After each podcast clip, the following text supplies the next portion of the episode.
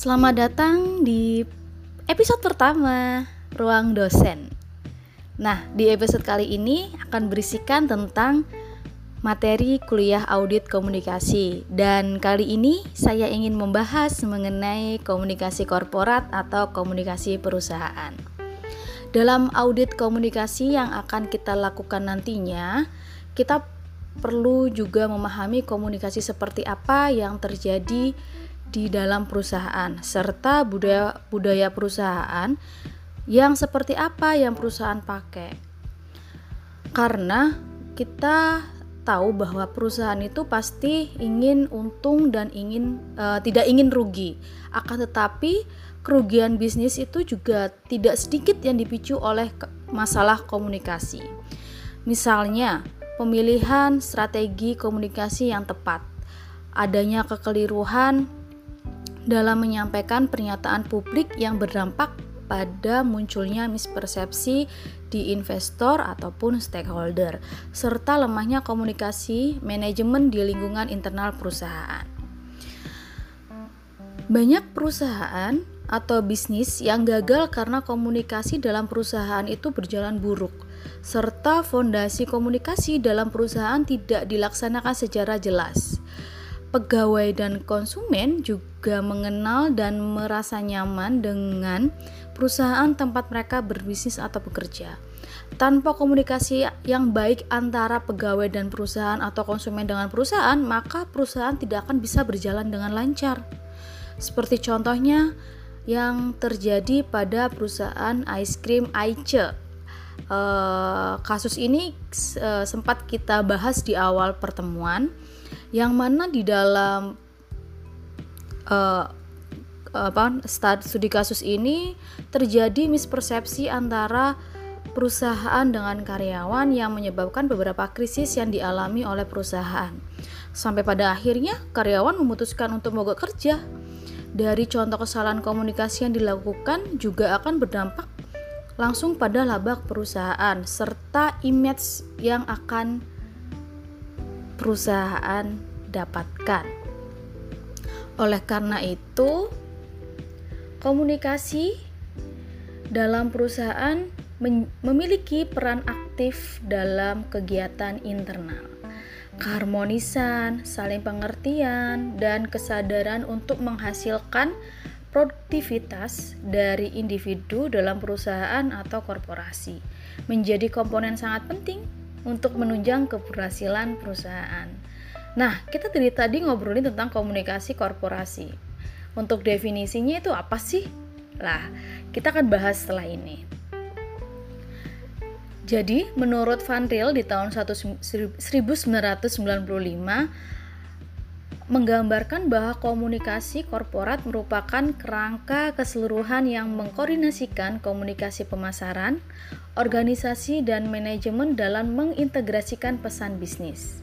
Menurut Van Riel pula, di dalam komunikasi korporat terdapat tiga kombinasi yang harus diketahui dalam pengelolaan korporasi. Ketiga kombinasi tersebut saling berkaitan, di antaranya manajemen komunikasi, komunikasi pemasaran, dan komunikasi organisasi. Oke, kita akan bahas satu persatu. Kenapa sih tiga kombinasi ini saling berkaitan? Untuk yang pertama adalah manajemen komunikasi, yang mana e, merupakan fungsi manajemen yang mengambil posisi sebagai jembatan antara level manajemen di dalam perusahaan dan kelompok internal serta eksternal perusahaan. Dan biasanya nih yang menempati manajemen komunikasi itu adalah seorang manajer senior. Lalu untuk yang kedua, kombinasi yang kedua itu adalah komunikasi pemasaran. Dalam kombinasi ini biasanya mengambil porsi sebagian besar anggaran perusahaan dalam hal iklan, promosi, dan aktivitas sponsor dan kegiatan-kegiatan pemasaran lainnya. Lalu kombinasi yang terakhir, yaitu yang ketiga adalah komunikasi organisasi, yaitu membahas mengenai bidang public relation, hubungan dengan internal seperti dengan karyawan dan stakeholder, serta lingkungan eksternal dari perusahaan. Nah, ketiga kombinasi ini dalam pengelolaan korporasi atau perusahaan dimaksudkan e, adalah sebagai upaya menyeluruh atau secara total dari perusahaan untuk berkomunikasi secara efektif dan menguntungkan. Di tahun 1999, Dolphin memaparkan bahwa komunikasi korporat dapat membantu menggambarkan citra perusahaan dan membantu dalam proses keuntungan kompetitif perusahaan secara keseluruhan. Oke, bisa dipahami kan dari situ? Nah, di tahun 2007, Van Riel kembali mendefinisikan komunikasi korporat, yakni komunikasi korporat adalah keseluruhan aktivitas yang melibatkan pengelolaan dan pengaturan komunikasi internal dan eksternal dengan tujuan menciptakan hubungan yang menguntungkan dengan pemangku kepentingan atau stakeholder, di mana perusahaan tergantung kepada mereka. Lalu, fungsi utama dari komunikasi korporat itu apa?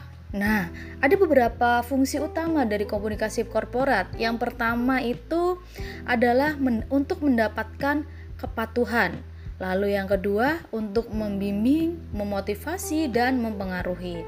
Lalu yang ketiga adalah menciptakan pengertian, saling pengertian antara atasan dan bawahan. Lalu yang keempat adalah untuk memecahkan masalah dan membuat keputusan. Serta yang kelima itu mengelola konflik, bernegosiasi dan melakukan tawar-menawar. Akan tetapi, dalam prakteknya sehari-hari di dalam perusahaan, fungsi utama dari komunikasi korporat itu diterjemahkan dalam komitmen, sistem, disiplin, sehingga menjadi budaya organisasi atau budaya perusahaan. Nah, perlu kita ketahui nih bahwa komunikasi korporat ini juga berkaitan dengan budaya perusahaan atau budaya organisasi, di mana Budaya perusahaan itu merupakan sistem makna bersama yang khas dan menjadi panutan anggota organisasi atau perusahaan. Biasanya nih, budaya tersebut dapat berperan sebagai pembeda dengan perusahaan lainnya. Sistem makna yang dipersepsikan bersama berisikan nilai-nilai yang disadari atau tidak disadari yang memiliki kemampuan untuk mengikat anggota. Menurut Griffin, budaya organisasi juga membantu anggota untuk memahami tindakan mana yang bisa diterima dan mana yang tidak bisa diterima. Kita akan bahasnya budaya organisasi itu uh, di episode sendiri ya, karena memang perlu banget untuk uh, menjelaskan lebih detail lagi mengenai budaya organisasi. Akan tetapi uh, di komunikasi korporat dan komunikasi organisasi ini juga saling berkaitan itu. Dan ada beberapa acuan dalam pengelolaan manajemen yang berkaitan dengan budaya perusahaan, yakni tentang kepatuhan untuk menjalankan good corporate governance atau yang disingkat dengan GCG uh, atau yang diartikan sebagai tata kelola perusahaan yang baik dengan berprinsipkan tarif yang mana memiliki kepanjangan T. Transparasi A. Akuntabilitas R. Reliabilitas I. Integritas dan F adalah fairness atau kewajaran.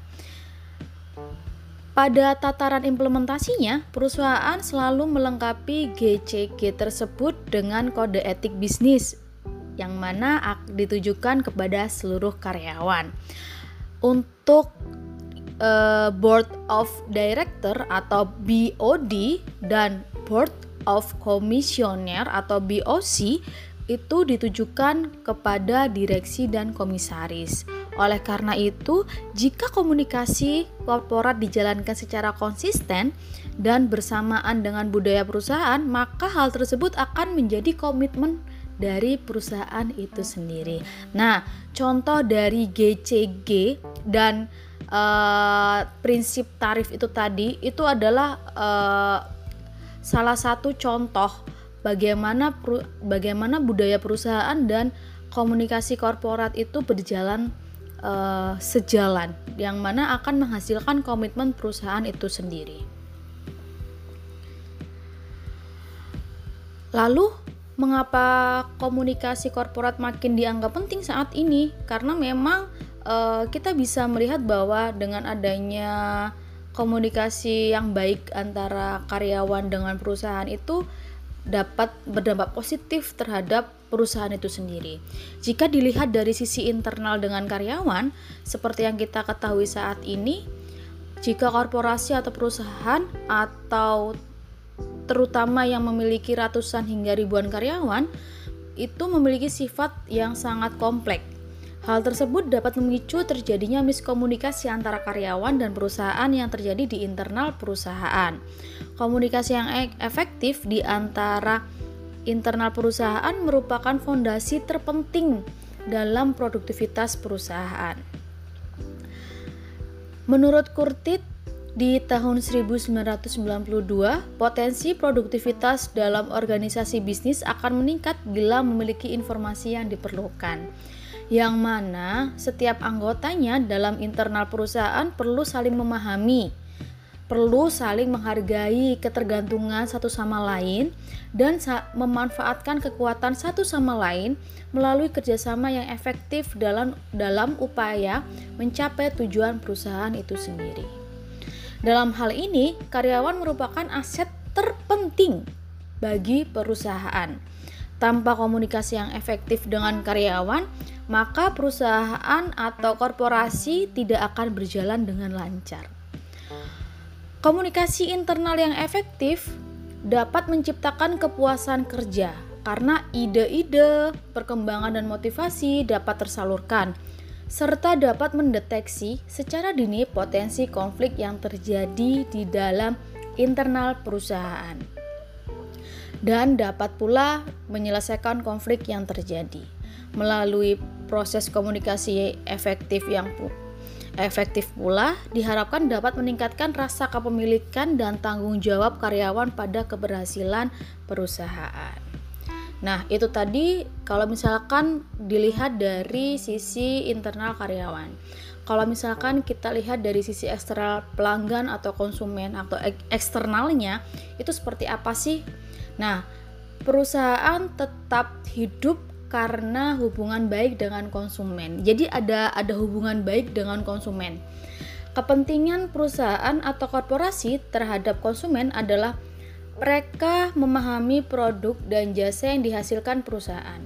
Selanjutnya, konsumen akan percaya dan yakin terhadap perusahaan ketika membeli dan menggunakan produk atau jasa tersebut. Dari sinilah komunikasi sangat berperan penting dalam memposisikan produk dan jasa di benak konsumen. Jadi uh, perusahaan komunikasi yang di, di diangkat oleh perusahaan itu juga memiliki peran penting dalam dalam membuat apa kesadaran merek terhadap terhadap uh, di konsumen seperti itu. Jadi saat ini konsumen jauh lebih pintar loh teman-teman. Mereka tidak hanya berminat untuk mengetahui produk atau jasa perusahaan saja, melainkan juga terhadap perusahaan itu sendiri.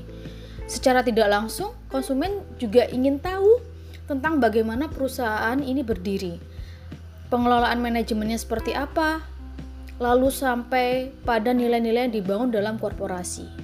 Nah, oleh karena itu, kemampuan korporasi atau perusahaan dalam membangun komunikasi yang tepat dengan internal ataupun eksternal dapat membuat image serta reputasi menjadi positif di benak konsumen. Oke, selanjutnya kalau misalkan pentingnya komunikasi korporat ini jika dilihat dari sisi stakeholder. Kita tahu bahwa stakeholder dalam perusahaan seperti itu seperti pemegang saham, partner, supplier, pemerintahan, LSM, pemuka agama, masyarakat sekitar industri dan konsumen merupakan pihak yang dipengaruhi dan mempengaruhi aktivitas perusahaan. Maka mereka perlu merasakan keterlibatan langsung dengan apa yang korporasi lakukan.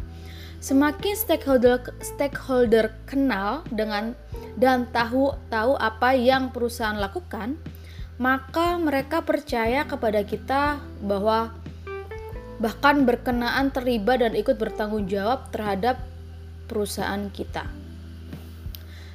dan juga perusahaan juga perlu mengelola interaksi dengan eksternal seperti hubungan dengan komunitas atau biasa kita sebut dengan community relation, hubungan media atau media relation, hubungan dengan investor maupun dengan pemerintahan.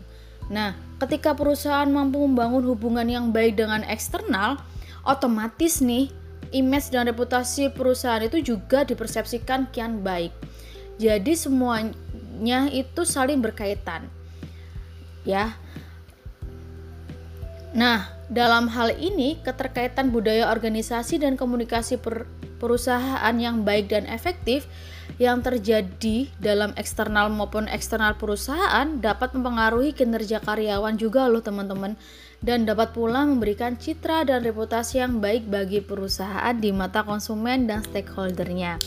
Dan juga dengan memahami lebih dalam lagi mengenai korporasi korpo, komunikasi korporat ini serta budaya perusahaan dapat dapat membantu kita sebagai seorang auditor dalam melakukan audit komunikasi untuk organisasi ataupun perusahaan. Nah, itu tadi eh, sekilas materi yang bisa saya sampaikan. Jadi uh, kita juga perlu paham bagaimana sih komunikasi yang dijalankan di dalam perusahaan itu sendiri. Kalau misalkan kita tidak paham itu dulu, jadi kita tidak akan bisa menganalisis bagaimana perusahaan ini atau uh, perusahaan ini mau dibawa ke mana seperti itu.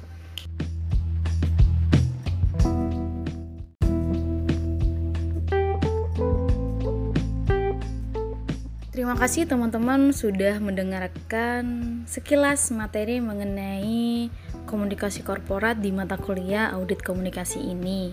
Semoga di episode selanjutnya bisa lebih bermanfaat lagi dan lebih memberikan inspirasi buat teman-teman bisa lebih berkarya lagi dan tetap jaga kesehatan, tetap semangat, jangan lupa untuk selalu jaga kebersihan diri. Salam dari ruang dosen. Bye bye.